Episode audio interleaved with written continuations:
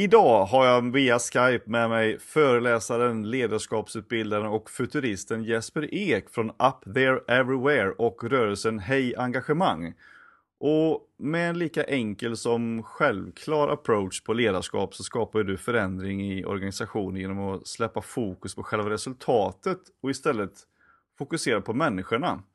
Och din slogan Ingenting startar med resultat utan allt startar med människorna säger ju en del om din inriktning och syn på ledarskap och det här ska vi prata mer om idag så välkommen till Säljpodden Jesper! Tusen tack Mattias! Det är jättehärligt att, eh, att vi kan göra den här intervjun för att Eh, du har ju ganska eh, mycket samarbete med Johan Bok som eh, var med här för ett tag sedan i Cellpodden och ni har ju en rörelse som heter Hej Engagemang eller som ni har startat igång som jag nämnde i introt här. Vad är det för någonting egentligen?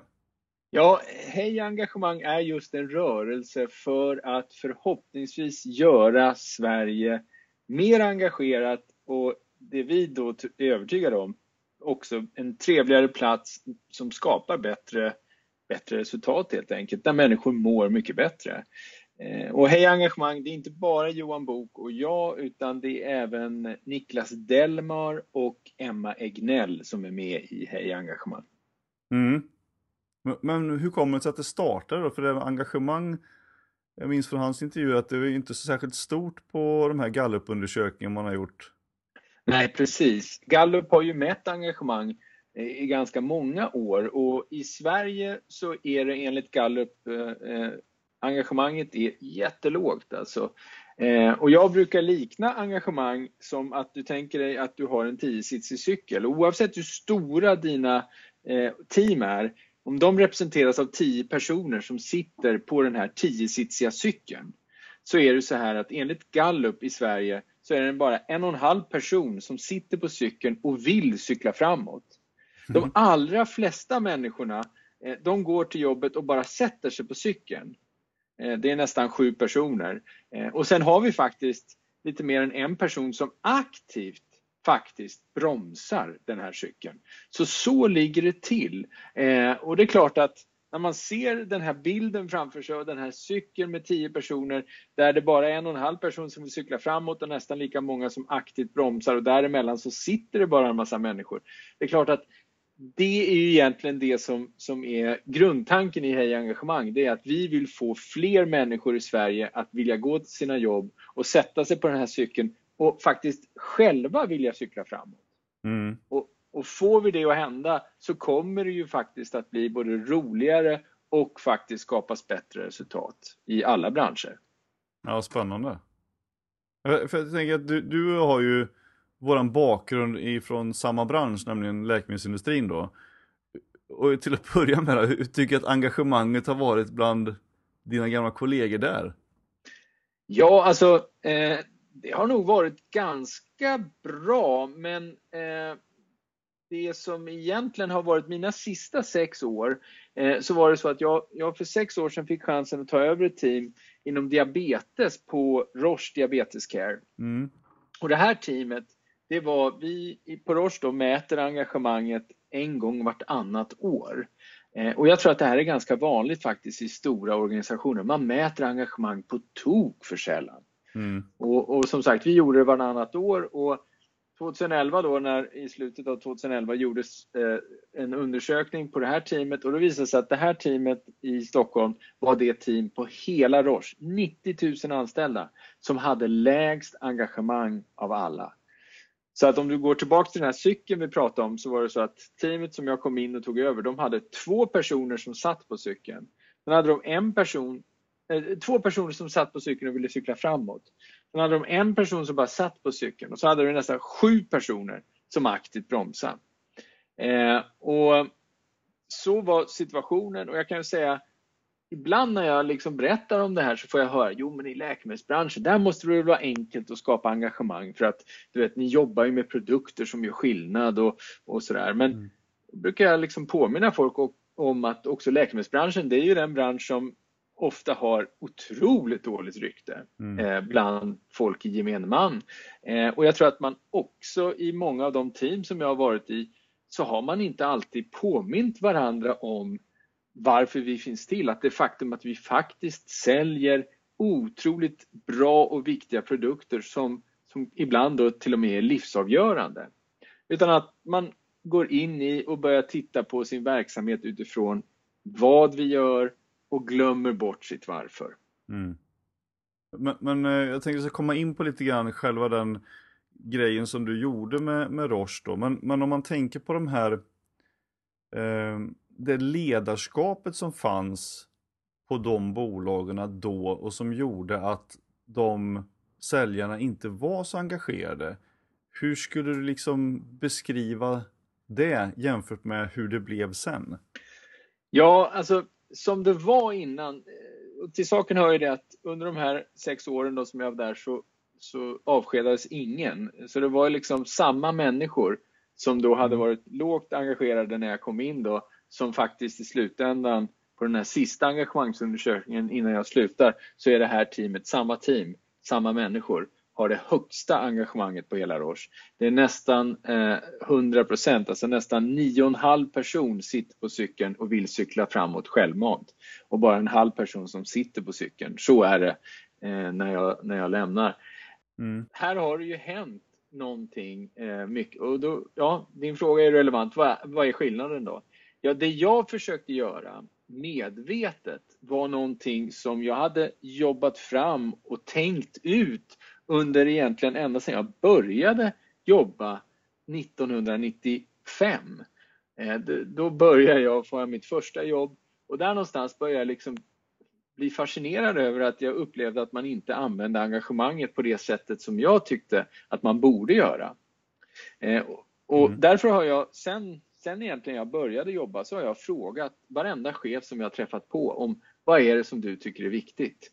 Eh, och i slutändan så har, har, har jag kommit fram till att alla chefer, jag tror att jag har intervjuat över 300 chefer eh, till nu och alla säger i princip samma sak och det är fyra perspektiv som alla nämner. Eh, och de här perspektiven är egentligen, om vi tänker att vi börjar med en, ett perspektiv, kortsiktig och externt fokuserat och det är resultat. Mm. Eh, ett annat är internt fokuserat kortsiktigt och då är det ofta individer. Har vi rätt individer i teamen? Eh, och sen pratar de väldigt mycket om internt längre sikt, alltså lång sikt och där hamnar ju kulturfrågor. Mm. Och i slutändan så pratar man om externt fokus, lång tid och då är det två saker man nämner. Det är syftet eller vision och strategier och jag brukar kalla det hur. Mm. Så de här fyra sakerna har alla chefer som jag har pratat med tagit upp. Men på frågan, ja men vad är absolut viktigast för dig då som chef? Så är det så att 95% av de jag har pratat med, de kommer att säga, ja allt det här är viktigt men det jag verkligen tänker på, det är ju att leverera resultat. Mm. Och det handlar ju om att, du vet, det är därför att deras chefer frågar efter dem hur det går och är det så att du är högsta chefen så har du en styrelse som du måste liksom svara upp till. Mm. Eller du kanske har aktieägare och vad det nu är. Va? Så mm. det är liksom resultaten, resultaten, resultaten som blir chefernas viktigaste liksom fokus. Eh, och det är här jag tror att man faktiskt gör fel. Eh, så min idé när jag kom in för sex år sedan, det var ju att faktiskt göra precis tvärtom. Jag ville vända ryggen åt resultaten. Om du tänker att man går in i den här modellen och ställer sig där man tycker att man ska fokusera så är det som att de allra flesta människor går in mitten av en modell med de här fyra rutorna som vi har pratat om. Mm. Och så ställer man sig där och så tittar man ner och då är det ju att man hamnar på resultat. Och om du då har ritat ut den här som en fyrkant då så är det ju så att då har man ju ryggen åt människorna. Man har ryggen åt kulturen.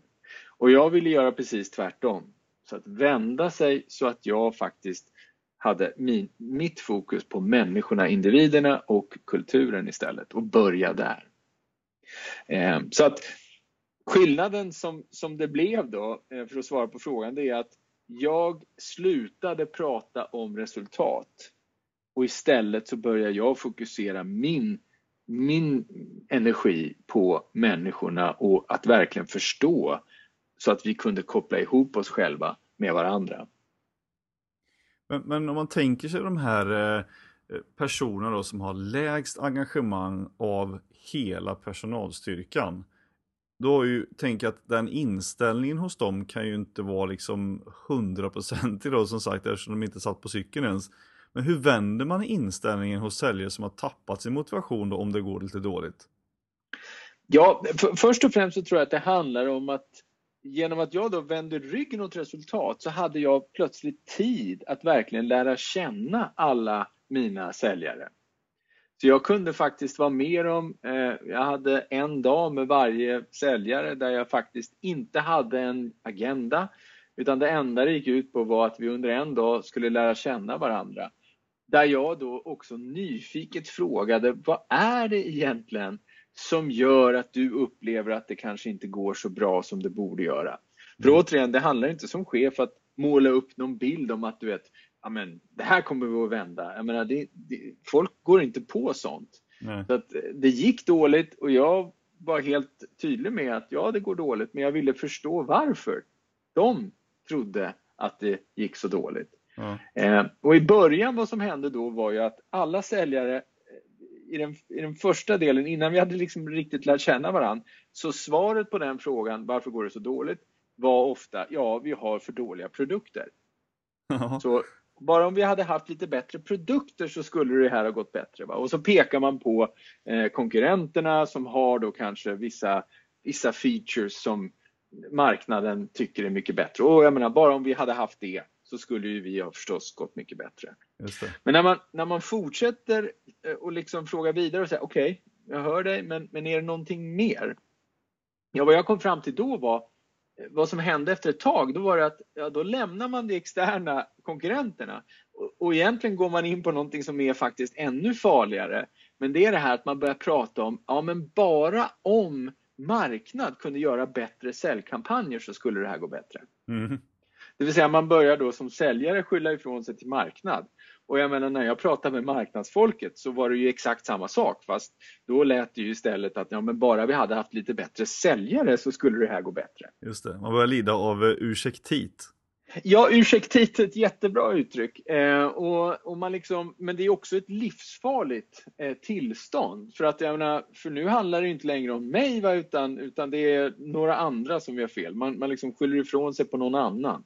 Mm. Eh, och jag fortsatte vidare förbi det också och i slutändan kom jag fram till att alla människor jag intervjuade var rädda för en och samma sak. Och det var att bli av med jobbet. Mm. Eh, och när vi hade kommit ner så djupt och att vi hade faktiskt kunnat vara så pass ärliga med varandra så att vi kunde säga ja men det är faktiskt att bli av med jobbet jag är livrädd för. Ja, då kunde jag adressera det. Då kunde jag faktiskt berätta om att min intention var att inte avskeda en enda person. Men däremot så var det ju så att det är ett tufft läge och vi är tvungna att jobba tillsammans i syfte att vända det här tillsammans. Eh, och det är klart att bara för att jag sa det, för jag, jag samlade ihop alla och jag berättade det här, men bara för att jag sa det innebär inte att alla plötsligt kände sig trygga och nu kan jag gå hem och liksom koppla av. Mm. Men däremot så var det ju så att över tid så skapades ett förtroende eftersom de märkte att nej, men det var ju ingen som fick sparken. Mm. Utan faktiskt så är det så att vi genuint jobbade nyfiket för att ta reda på hur vi kunde göra bättre ifrån oss. Så jag tror att där, och, och det här tror jag, det är klart att ta med sig eh, om du är en ny chef. Eh, tänk på att när du kommer till det här teamet, särskilt om det inte går så himla bra, men även om det går bra, så är det ju så att alla är ganska eh, på sin vakt när du kommer. För menar, vad, vad, kommer att hända här? Kommer han att rensa ut eller kommer hon att rensa ut? Eh, behöver jag vara orolig för mitt jobb? Sådana här saker. Och det är klart att om du vill skapa en teamkänsla där vi hjälps åt och där vi, som jag är inne på, att engagemang egentligen är ju i min värld så handlar det om att koppla ihop sig. Precis som man säger på engelska att I'm engaging with you, I'm, I'm to be engaged with you om man ska gifta sig. Mm så är det ju precis samma sak med engagemang. Alltså man, man, man sätter en ring på ett finger på och, och, liksom, och visar att man är beredd att, i alla fall i ögonblicket när man sätter ringen på fingret, så ska vi hålla ihop för resten av livet. Eh, och Det är den där hopkopplingen som jag tror egentligen är, är grunden av engagemang. Det är där engagemang händer. När du känner dig ihopkopplad, då blir du också engagerad. Just det. Och det gör man inte om man bara fokuserar på resultatet? Nej, därför att återigen då, tänk den här situationen när du kommer som ny. Jag menar, om det bara är resultatet och det går dåligt eller det kanske går bra, men ni har krav på er uppifrån att det ska gå ännu bättre. Om det är det det enda du pratar om, då skapar du ju inte en hopkoppling med människor. För det är ju inte, ingen går till jobbet bara för att liksom tjäna lite mer pengar åt ägarna. Nej. Det är kanske någonting som ägarna skulle vilja att det var så, men, men så är det inte. Man går till jobbet därför att man ofta vill vara med och förändra någonting till det bättre. Eh, att man kanske trivs med sina medarbetare, att man liksom har kul. Där någonstans har du liksom varför du kopplar ihop dig och känner engagemang. Och det är aldrig för att du vill tjäna lite mer pengar till någon ägare. Nej. Och, och, och det är här då det blir en, en diskrepans mellan den nya chefen eller chefer generellt som då så att säga har fokus bara på resultatet eftersom det är det som deras chefer och, och styrelse frågar efter och alla andra i teamet som egentligen vill ha någonting helt annat från chefen. Just det. För, för du har ju blivit ganska efterfrågad eh, efter den här, eh, Eh, det här arbetet som du gjorde med säljarna på, på Roche där och du är ute och pratar väldigt mycket om det här med den typen av ledarskap. Men, men vad var det i detalj så att säga som du gjorde med de här säljarna som gjorde hela skillnaden för deras affär? Från att vara lägst engagerade till att bli mest engagerade? Ja, det handlar om, när vi hade väl då kommit överens om att du vet den här rädslan att bli av med jobbet och vi kunde hantera den. Nästa steg som jag hade, när jag hade lyssnat med intentionen att förstå då, vilket är en stor skillnad mot att lyssna med intentionen att svara, som man ofta gör om man har resultatfokus.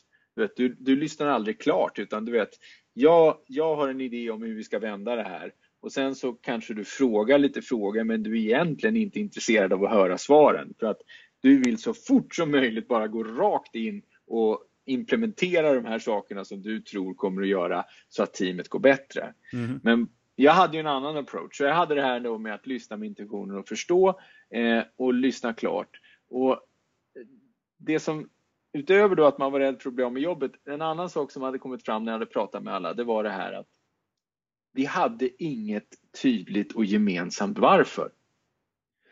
Eh, utan folk Ja, vi sålde ju mätare och pumpar. Vi höll ju på med, med diabeteshjälpmedel. Eh, och på frågan varför så var det ja, därför att eh, ja, det är i princip om man ska liksom hårdra det, så, därför att det är de, de är våra produkter och det är det vi ska göra. Det var liksom de typen av svar man fick. Va? Ja.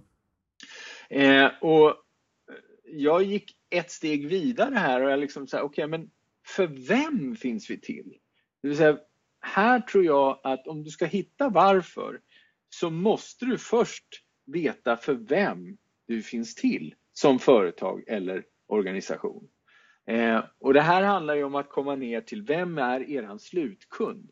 Nu när jag är ute och, och äh, träffar team och, och andra äh, chefer då så, så är det så här, man, man, man slänger sig med kundbegrepp hit och dit. Här, vad, alltså det kan finnas miljontals olika kunder. Va?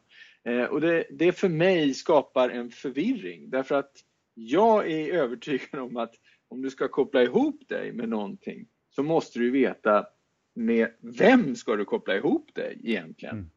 Eh, och vi höll ju på med mätare och pumpar och hade, jag menar, jag hade nog säkert hundra olika produkter i våran portfölj som vi kunde sälja. Men vem som var våran slutkund var oklart. När jag frågade dem om vem är kunden, då fick jag höra att ja, men det var syrror, diabetessyrror eller det var läkare eller det var vårdcentralschefer eller det var upphandlingschefer. Jag menar, det var en massa olika, förvisso väldigt viktiga stakeholders. Mm. Men jag kände så här, det är ju inte för dem som vi finns till. Eh, och då är det så att en fråga som är ganska eh, ja, som, som kan hjälpa en att verkligen komma ner till att, att få svaret på vem som är slutkund, det är att man frågar, ja, men om det vi gör verkligen gör skillnad och vi tror att det är bra saker som vi håller på med, Vem skulle sakna oss om vi försvinner? Mhm. Och när jag ställde den frågan till teamet så blev det ju liksom det här att jo men du vet syrrorna och läkarna och allt det här, jo det, de skulle nog kanske sakna oss som personer. Men det finns ju en massa andra företag som säljer mot, ganska liknande produkter till de som vi har. Så de skulle ju kunna gå till dem istället. Ja. Men om det vi gör verkligen betyder någonting och gör skillnad så är det ju någon som lever med diabetes. Den personen skulle ju sakna oss om vi försvinner. Precis. Så att där någonstans är att man liksom får en så här jättetydligt fokus på att okej, okay, vi finns till för alla med diabetes. Det är våran kund. Alla andra är jätteviktiga stakeholders. Men kunderna, det är de som faktiskt, om vi gör bra saker och, och, och då är det de som kommer att säga, ja men kom hit igen eller du vet, vi saknar er om ni försvinner. Mm. Så att där, när vi hade fått klart för oss att vi finns till för alla med diabetes och då ska man ju veta att det här var ju team som hade funnits 40 år på den svenska marknaden och sålt eh, diabeteshjälpmedel. Eh, eh, och jag kan säga nu när jag är ute och träffar mycket företag så är det ju så att efter ett tag när man har hållit på i en verksamhet ganska länge så är det så att man glömmer bort varför. Därför att det som man pratar om dagligdags är vad man gör. Det är de produkterna, det är mycket liksom facts och det är liksom sådana där linjära saker som liksom du vet, vi vill tjäna 5% mer och sådana här saker. Mm. Och så glömmer man bort att ja, men egentligen så är det ju så att vi finns till för att alla med diabetes ska leva sina liv så obegränsat som möjligt. Och det var eh, det som blev faktiskt vårat varför till slut. Då. Mm. Och anledningen till att vi kom fram till det varför, det var när vi hade bestämt oss för att det är alla med diabetes som är våra kunder, så kom ju min nästa fråga och det var att ja men har vi frågat våra kunder om hur det är att leva med diabetes? Och det visade sig att nej, det hade vi inte riktigt gjort utan vi hade massvis med marknadsundersökningar om vad syrror och läkare tyckte om våra produkter. Men vi hade väldigt dålig koll på vad människor med diabetes tyckte och upplevde om våra produkter. Så då satte jag tillsammans med Opticom då, eh, men jag menar, här kan man ju välja, det finns ju företag som kan hjälpa till här och faktiskt att vi gjorde 150 djupintervjuer med våra kunder för att verkligen förstå hur är det att leva med diabetes? Mm. Eh, och när vi fick tillbaka de där 150 intervjuerna så var det ett, ett tydligt mönster kom fram. Och det var, mönstret var det att eh, alla sa så här, innan jag fick diabetes så var livet enkelt, efter jag fick diabetes så var livet jättekrångligt.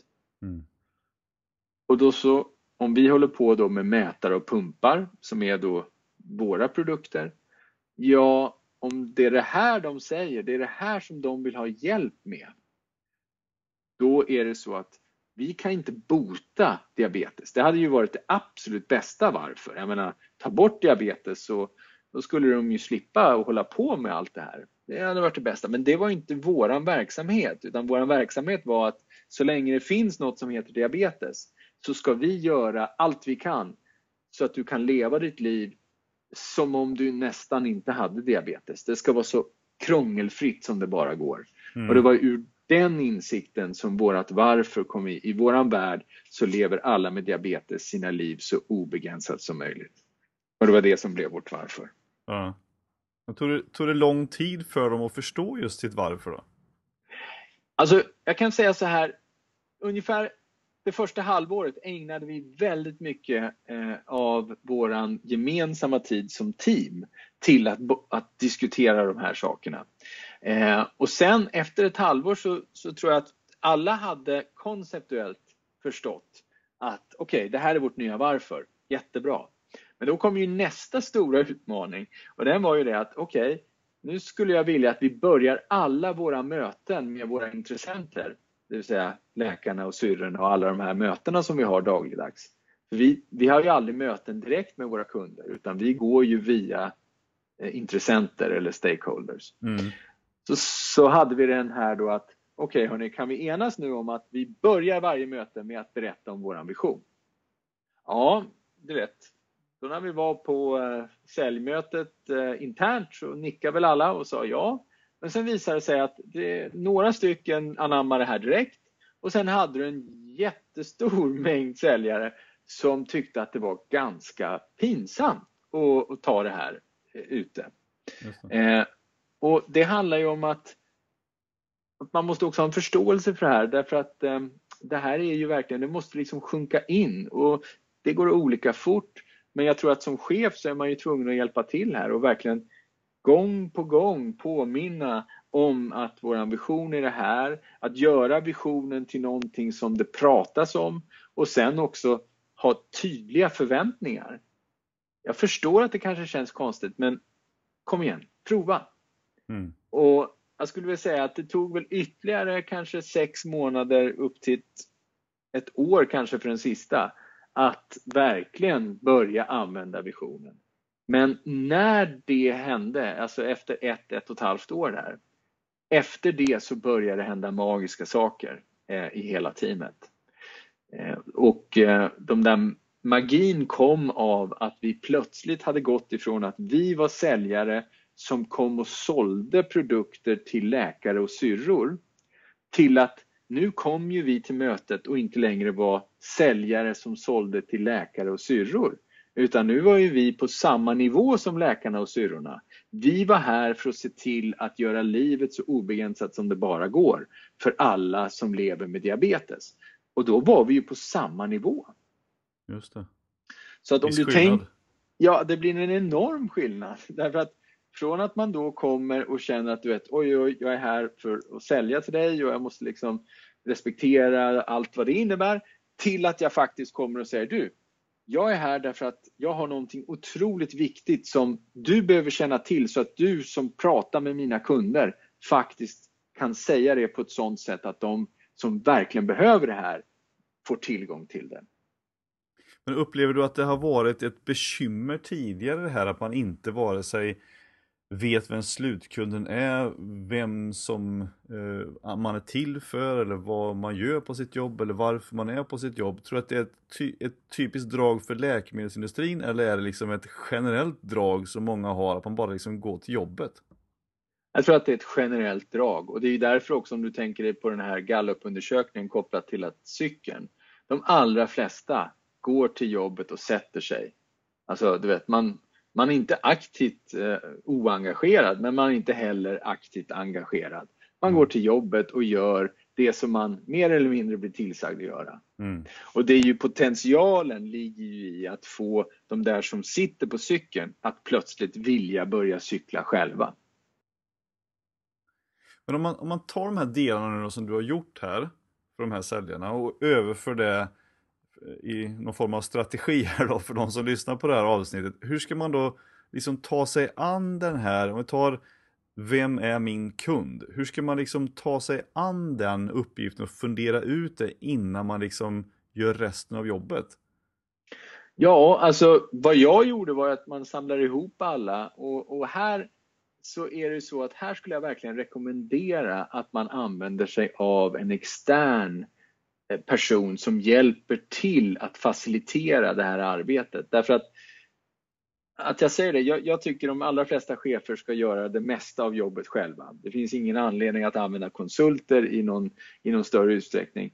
Men här behövs det verkligen någon som har ett, eh, ett eh, perspektiv från utsidan. Därför att annars så riskerar man att komma som chef och så är det så att så fort jag säger vem jag tror är kunden eftersom jag är chef så kommer ju alla mer eller mindre bara nicka med. Mm. Och då är det så att då får du inte den här hopkopplingen. Mm. Utan det som man behöver göra är att man, man arbetar igenom de här sakerna där jag som chef är en i gänget. Så att man sätter sig på samma nivå som alla andra och sen tillsammans så jobbar vi fram vem som skulle sakna oss om vi försvinner och, och, och sen då hitta den här varför. Eh, och jag skulle också rekommendera att man inte bara gör ett varför i ord utan hitta det här varför även i en bild. Det är därför man säger vision. Därför att vi behöver kanske se hur det ser ut när, mm, när vi har en situation där någon lever med diabetes eh, så obegränsat som möjligt. Hur skulle det se ut? Mm. Och, och, och här tror jag att det är jätteviktigt att man, att man faktiskt förstår det också som chef att här behöver du hjälp. Du kan inte göra det här jobbet just själv utan det här måste du göra som en i gänget. Eh, därför att det handlar om att vi tillsammans ska koppla ihop oss. Det andra som jag tror, den första frågan du sa, är det här specifikt för läkemedelsindustrin? Jag skulle vilja säga nej, det är det inte, utan det här är väldigt, väldigt vanligt i alla de organisationer som jag har kommit i kontakt med efter jag har lämnat läkemedelsindustrin också. Mm. Så jag tror att, eh, att hitta slutkunden, eh, att jobba fram ett, eh, ett varför och, och sätta både ord och kanske också en bild för hur det här varför ser ut. Det är någonting som jag tror alla säljorganisationer behöver ta till oavsett vilken bransch man är i. Man har ju ett litet eget tanke om hur liksom företagen resonerar och säljare resonerar just om det här med slutkund och att man väldigt sällan, för med, så var det när jag jobbade som säljare inom läkemedelsindustrin med, men även liksom de andra jag kommit i kontakt med inom sälj, att, att man inte pratar direkt med den sista i ledet, den som i det här fallet då är patient, och tar reda på vad är grejen? För att om man hade gjort det från början och pratat med den så att säga slutkunden, patienten i alla fall, så här, vad är det som egentligen du behöver? Och vad är det du skulle vilja ha för att ditt liv skulle bli enklare? Då skulle man ju som företag också mycket lättare kunna tillverka det. Istället mm. för att man tillverkar någonting, säljer det till någon form av mellanled och sen så vet man ändå inte om slutkunden vill ha det. Så är det, definitivt. Men sen skulle jag också vilja säga så här, jag tror att det finns en otrolig potential i just säljkåren som inte alltid utnyttjas. Därför att särskilt när du säljer till kanske då intressenter, som i vårt fall så var det så att vi kom ju aldrig i kontakt med slutkunden, mm. utan vi sålde till läkare och syrror. Eh, vad, man, vad man behöver göra då, det är ju att empower säljarna. Alltså ge dem makten att faktiskt så att säga, ni har ju chans att fråga frågor till läkare och syrror som faktiskt är i kontakt med våra slutkunder. Mm. Och genom att ni känner att ni har eh, att ni, har, ni är självständiga, ni, ni behöver inte följa något säljmanus, du vet, där det blir fokus på att du ska följa säljmanus, utan istället så blir det så här, er uppgift är ju att lyssna med intentionen att förstå, försöka verkligen tränga igenom. Vad är det för pain points som ni upptäcker där ute? Varför är det så att inte alla får tillgång till våra produkter? Jag menar, svaret på det finns ju någonstans i läkarna och syrornas hantering av olika saker då dagligdags. Eller om man håller på med andra försäljningsprodukter så, så är det kanske då butikerna, hur de placerar ut era produkter eller jag menar, oavsett vilken typ av sälj du, du handlar om. Och då menar jag så här att som organisation så har vi otroligt mycket att vinna på att vi faktiskt börjar nyfiket lyssna, inte bara på oss själva men lyssna på andra. Och så får vi en massa information om vad är det som behövs. Och mm. ju mer vi lär oss av den där feedbacken som kommer att komma tillbaks. Och här tror jag att ganska många säljorganisationer missar. Man lyssnar inte på sina säljare. Man liksom på något sätt hela tiden utgår från att vår uppgift är att göra marknadskampanjer, komma och producera produkter så att ni kan sälja dem, så att vi tjänar pengar. Mm. Jag menar, hårdraget är det ofta tyvärr så. Mm. Men vad vi försökte göra och vad vi vände på det var ju att, men vänta nu, vi finns till därför att vi vill göra livet så obegränsat som möjligt för alla med diabetes. Okej, okay, nu är ni ute. Det är jätteviktigt att vi har en feedback eh, nu för ni kommer ju träffa intressenter som berättar om varför inte fler får våra mätare eller varför inte fler får våra pumpar. Och då är det viktigt att vi tar med oss det in i och att vi då ser till att också feedbacka det uppåt i vår organisation så att vi får en produktutveckling som blir bättre och på så sätt så kommer vi ju faktiskt att kunna närma oss vår ambition. Mm. Göra produkter som faktiskt är relevanta och som faktiskt gör skillnad för våra slutkunder. Och när du når dit, ja men då kommer försäljningen. Och det är ju det som är egentligen paradoxen i det hela. Därför att ju fler chefer som vågar vända ryggen åt resultaten och faktiskt göra det här som vi har pratat om, lyssna på sina anställda, lyssna på sina medarbetare, säljare, se till att de känner sig, eh, att de är empowered att faktiskt ta egna beslut, att de kan lyssna och verkligen få in saker och ting som är relevanta, ja då kommer ju vi att faktiskt bli bättre och bättre hela tiden. Och i slutändan så är det så att vi faktiskt säljer mer mm. och då kommer resultaten. Det är intressant det som du sa tidigare här, att vilken typ av mindset man har då när man pratar med, med läkare i det här fallet, eller i vanliga fall med, med sina kunder. att Om man kommer som en person med mössan i hand och ber dem köpa någonting, så får man ju liksom en annan ställning. Man blir ju alltid underlägsen sin kund. Men om man istället då som du nämnde här att ni gjorde, att ni, ni ser ju mer eller mindre som rådgivare till de som ska behandla de här patienterna. Vilket gör att ni har samma vision. Det spelar ingen roll om ni använder våra grejer eller någon annans grejer. Men vi ska se till att diabetespatienter mår så bra som möjligt.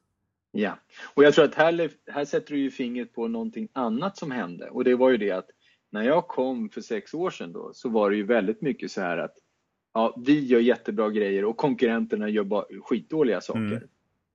Eh, och när vi hade vänt på det här och verkligen kommit fram till att ja, vi vet för vem vi finns till och varför.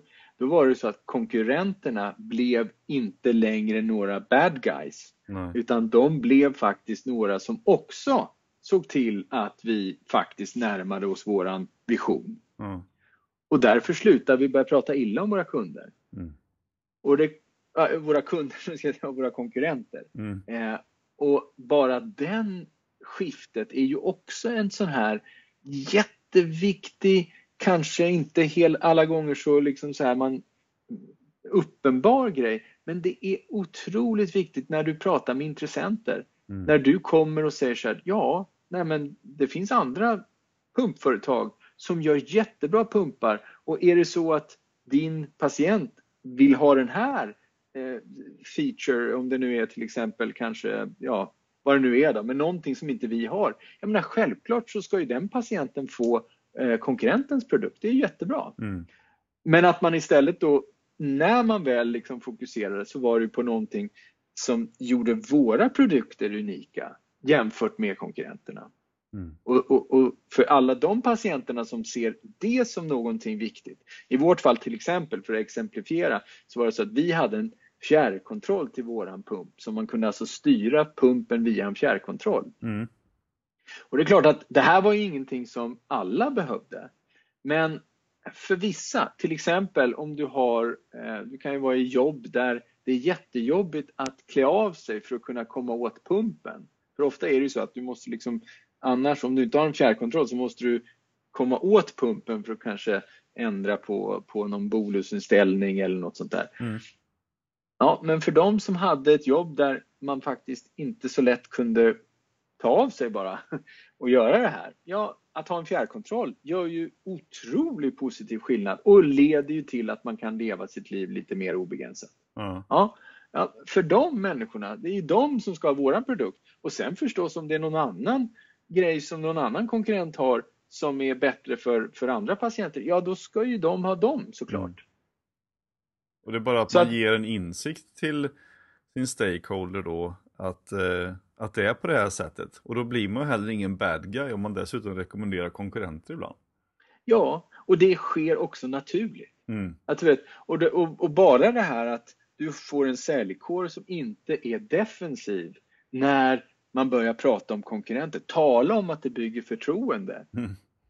Jag menar, för inte bara det att ni har en, en vision som, som faktiskt jag som läkare eller syrra kan relatera till. Jag menar, det är ju därför jag är läkare, det är ju för att hjälpa människor med diabetes. Ja, och det är det som ni håller på med också. Okej, okay, då är vi på samma nivå här. Mm. Och sen när det är så att det kommer någon annan liksom, eh, produktfeature som är viktig, tycker du som läkare, för vissa patienter. Ja, och så har du ju då en representant från det här företaget som säger, ja men det är helt riktigt.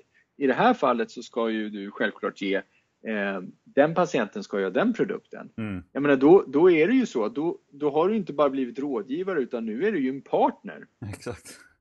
Det är väldigt stor skillnad i sitt mindset och, och i förhållandet och hur man pratar med sin, eh, med sin kund i sådana fall.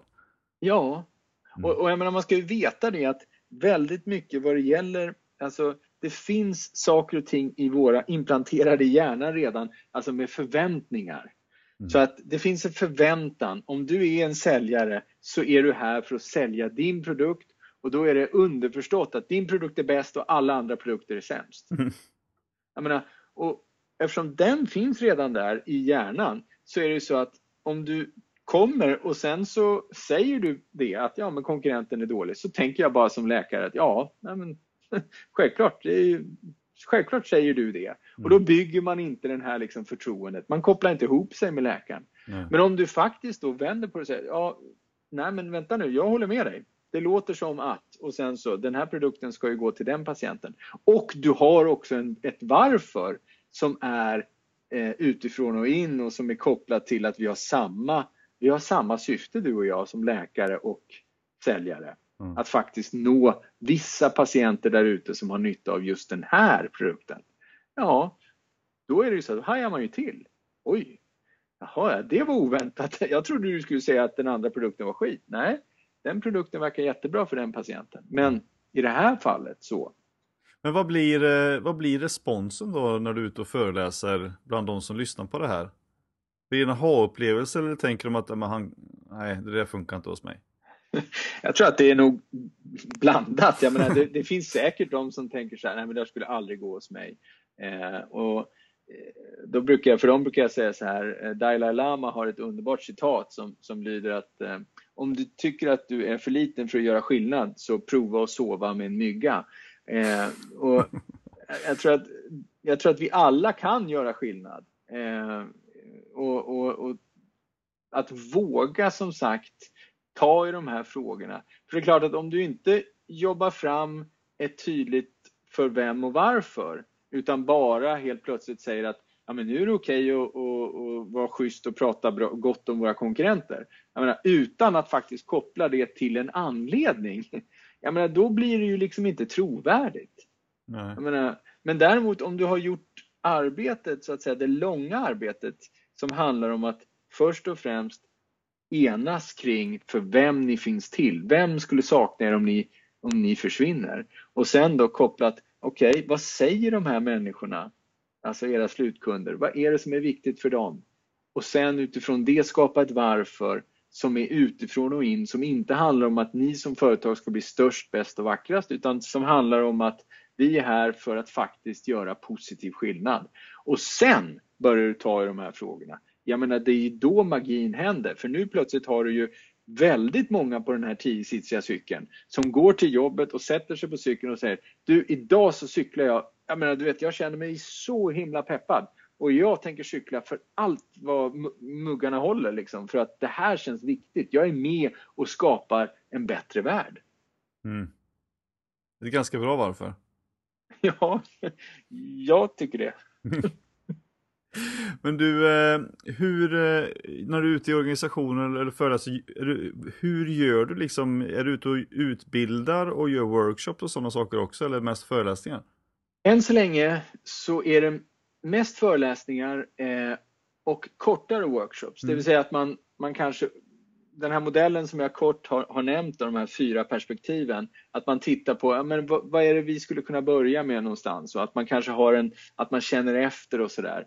Eh, sen är det ju så att eh, för att göra det här så måste man ju, så måste man ju faktiskt förstå att det här kommer inte att gå på en dag. Nej. Utan det här handlar ju om att man faktiskt långsiktigt, ja det här vill jag jobba med. Det här vill jag eh, faktiskt att vi ska börja ta i och att man då börjar successivt bör, liksom från början för vem finns vi till och varför och bygga hela den biten och det. Och det kommer ta mycket, mycket längre tid än bara min föreläsning förstås. Mm. Eh, och än så länge har jag inte, jag menar jag slutade på Roche i november förra året, 2017, så att jag har ju precis egentligen börjat med det här nya livet.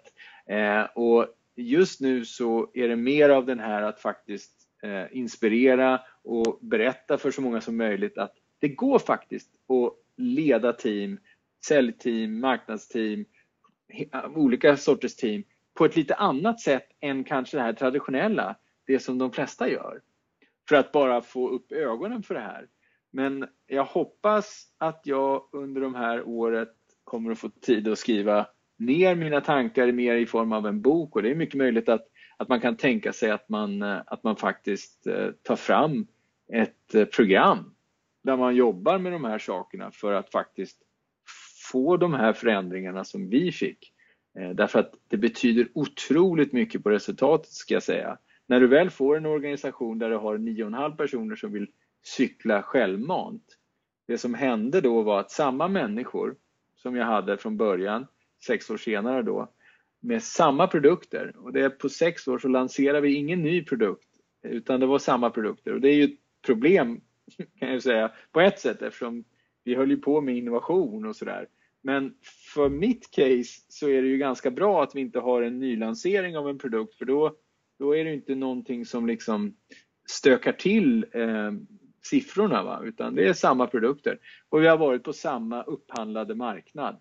Mm. Och när vi stängde böckerna 2016 och jämförde vinsten som vi fick med den förväntade vinst som man hade i de här affärsplanerna som var gjorda när jag började för år 2016 så var det så att vi hade 234% bättre lönsamhet. Wow. Det var inte, det är ingen liten siffra. Nej, det är många, många miljoner mm. i ren vinst. Mm. Och då ska man ju veta att detta skedde utan att någon fick sparken och att ingen ny produkt var. Eh, och, och därför så tror ju jag att om fler vågade bara, bara det här att man reflekterar lite grann. Varför har vi vissa av våra KPIer? Ger de någonting eller är det bara någonting vi gör? Mm. Eh, till exempel en annan grej som jag gjorde var ju att jag tog bort alla individuella säljincentives. Mm. Och det här är ju någonting som jag gjorde utifrån dels då min egen övertygelse men sen också att jag läst väldigt mycket. Eh, Dan Pink till exempel har inspirerat mig mycket i det här. Och alltså forskningen visar att det finns egentligen ingenting som tyder på att ge individuella säljmål eh, att det leder till bättre teamresultat, utan tvärtom. Allting talar för att vad du ska göra istället är, om du ska ha incitament, så ska det vara teamincitament. Så att antingen hela teamet vinner eller ingen vinner. Okej. Okay. Eh, och det här gjorde ju vi då, och det har vi haft under de här åren, att vi tog bort individuella mål och vi jobbar med teammål. Eh, och jag menar, ett exempel som hände, det var ju det att vi hade en av de bästa säljarna som vi hade eh, fick ju då, när jag började, var ju den som fick den största bonusen. Men eh, han blev sjuk mm. eh, och var borta under ganska många månader. Och det som hände då när han försvann, det var ju det att det var aldrig något problem att få någon från övriga delen av landet att komma till hans distrikt och hjälpa till och göra möten. Därför att det var ju vårat teammål som stod på spel. Mm. Och det var ju för våra kunder, människor med diabetes. Det var ju därför. Så istället för att man liksom stannade kvar då på det som råkar vara mitt distrikt eh, och tänkte att jag måste ju bevaka mina liksom säljsiffror så var det istället så att, men vänta nu, vi har, ju, vi har ju mest försäljning i det här distriktet och nu råkar den här personen bli sjuk. Självklart kommer jag och hjälper till. Och det är det här att kopplar du ihop det med varandra och att ni har ett gemensamt mål, då hjälps man åt. Mm. Det är jätteintressant det där, för det, det är inte särskilt vanligt med teammål jag... jämfört med individuella bonusar. Det, det kanske skulle införas på lite fler ställen i eh, organisationen också. Och jag tror ju att, eh, jag tror i alla fall att man bör ha den här frågan uppe och att man bör tänka igenom, är det verkligen så att vi måste nödvändigtvis ha individuella mål eller kan vi göra det på något annat sätt? Mm. Därför att eh, eh, många bara liksom, de ägnar inte ens en tanke åt det här utan man bara utgår från att det är klart som bara den att vi måste ha individuella mål. Mm. Men jag menar priset är ju då att då skapar du istället en mur mellan dina teammedlemmar. Precis. Och jag menar att Tvärtom, du ska ju som chef försöka ta bort alla murar. Sätt inte dit någonting som inte behöver finnas där om du är i syfte att du ska skapa den här ihopkopplingen. Eh, det är jätteintressant det där eh, sista och även det tidigare såklart, men, men hur, man, hur man ska resonera runt eh, det här för att skapa den här teamkänslan, att det är vi som gör någonting tillsammans med våra kunder. Och jag tänker, de som lyssnar på det här och som även vill höra dig föreläsa om de här sakerna mer i detalj, hur gör man då för att boka dig? Mm. Ja, eh, lättast är ju att man eh, kollar upp Talarforum. Mm. Eh, för jag är en av talarna på Talarforum och där eh, så enklast så bokar man där. Eh, man är också, ni alla är jättevälkomna att koppla ihop sig med mig på LinkedIn. Mm. Eh, jag finns på LinkedIn, jag är, försöker dela med mig så mycket som jag bara kan av de erfarenheter och de tankar som jag har kring just vad är det som skapar engagemang i team och hur gör man team som presterar bättre. Eh, så att det är ett annat sätt att komma i kontakt med mig. Mm. Eh, så det är väl de två eh, sakerna och sen då så rekommenderar jag alla att kolla in Hej Engagemang. Eh, det kommer förhoppningsvis hända en hel del grejer med Hej Engagemang och Hej Engagemangs syfte är ju att få fler team och individer i Sverige att vilja gå till jobbet, att vilja sätta sig på den där cykeln och cykla framåt. Inte för att man måste, utan för att man vill. Ett jäkligt bra engagemang. Mm. Mm. Ja, men, det känns meningsfullt. Ja men verkligen. Men du Jesper, tack så jättemycket för att du tog dig tid att vara med i Cellpodden och stort lycka till med alla föreläsningar eh, under året här och så eventuellt en bok då lite längre fram. Ja, ja, jag hoppas verkligen att jag får tid att skriva den där boken och tack så jättemycket Mattias och jag hoppas att vi hörs och ses snart igen. Absolut, det gör vi. Tack så länge. Tack så mycket. Hej. Hej.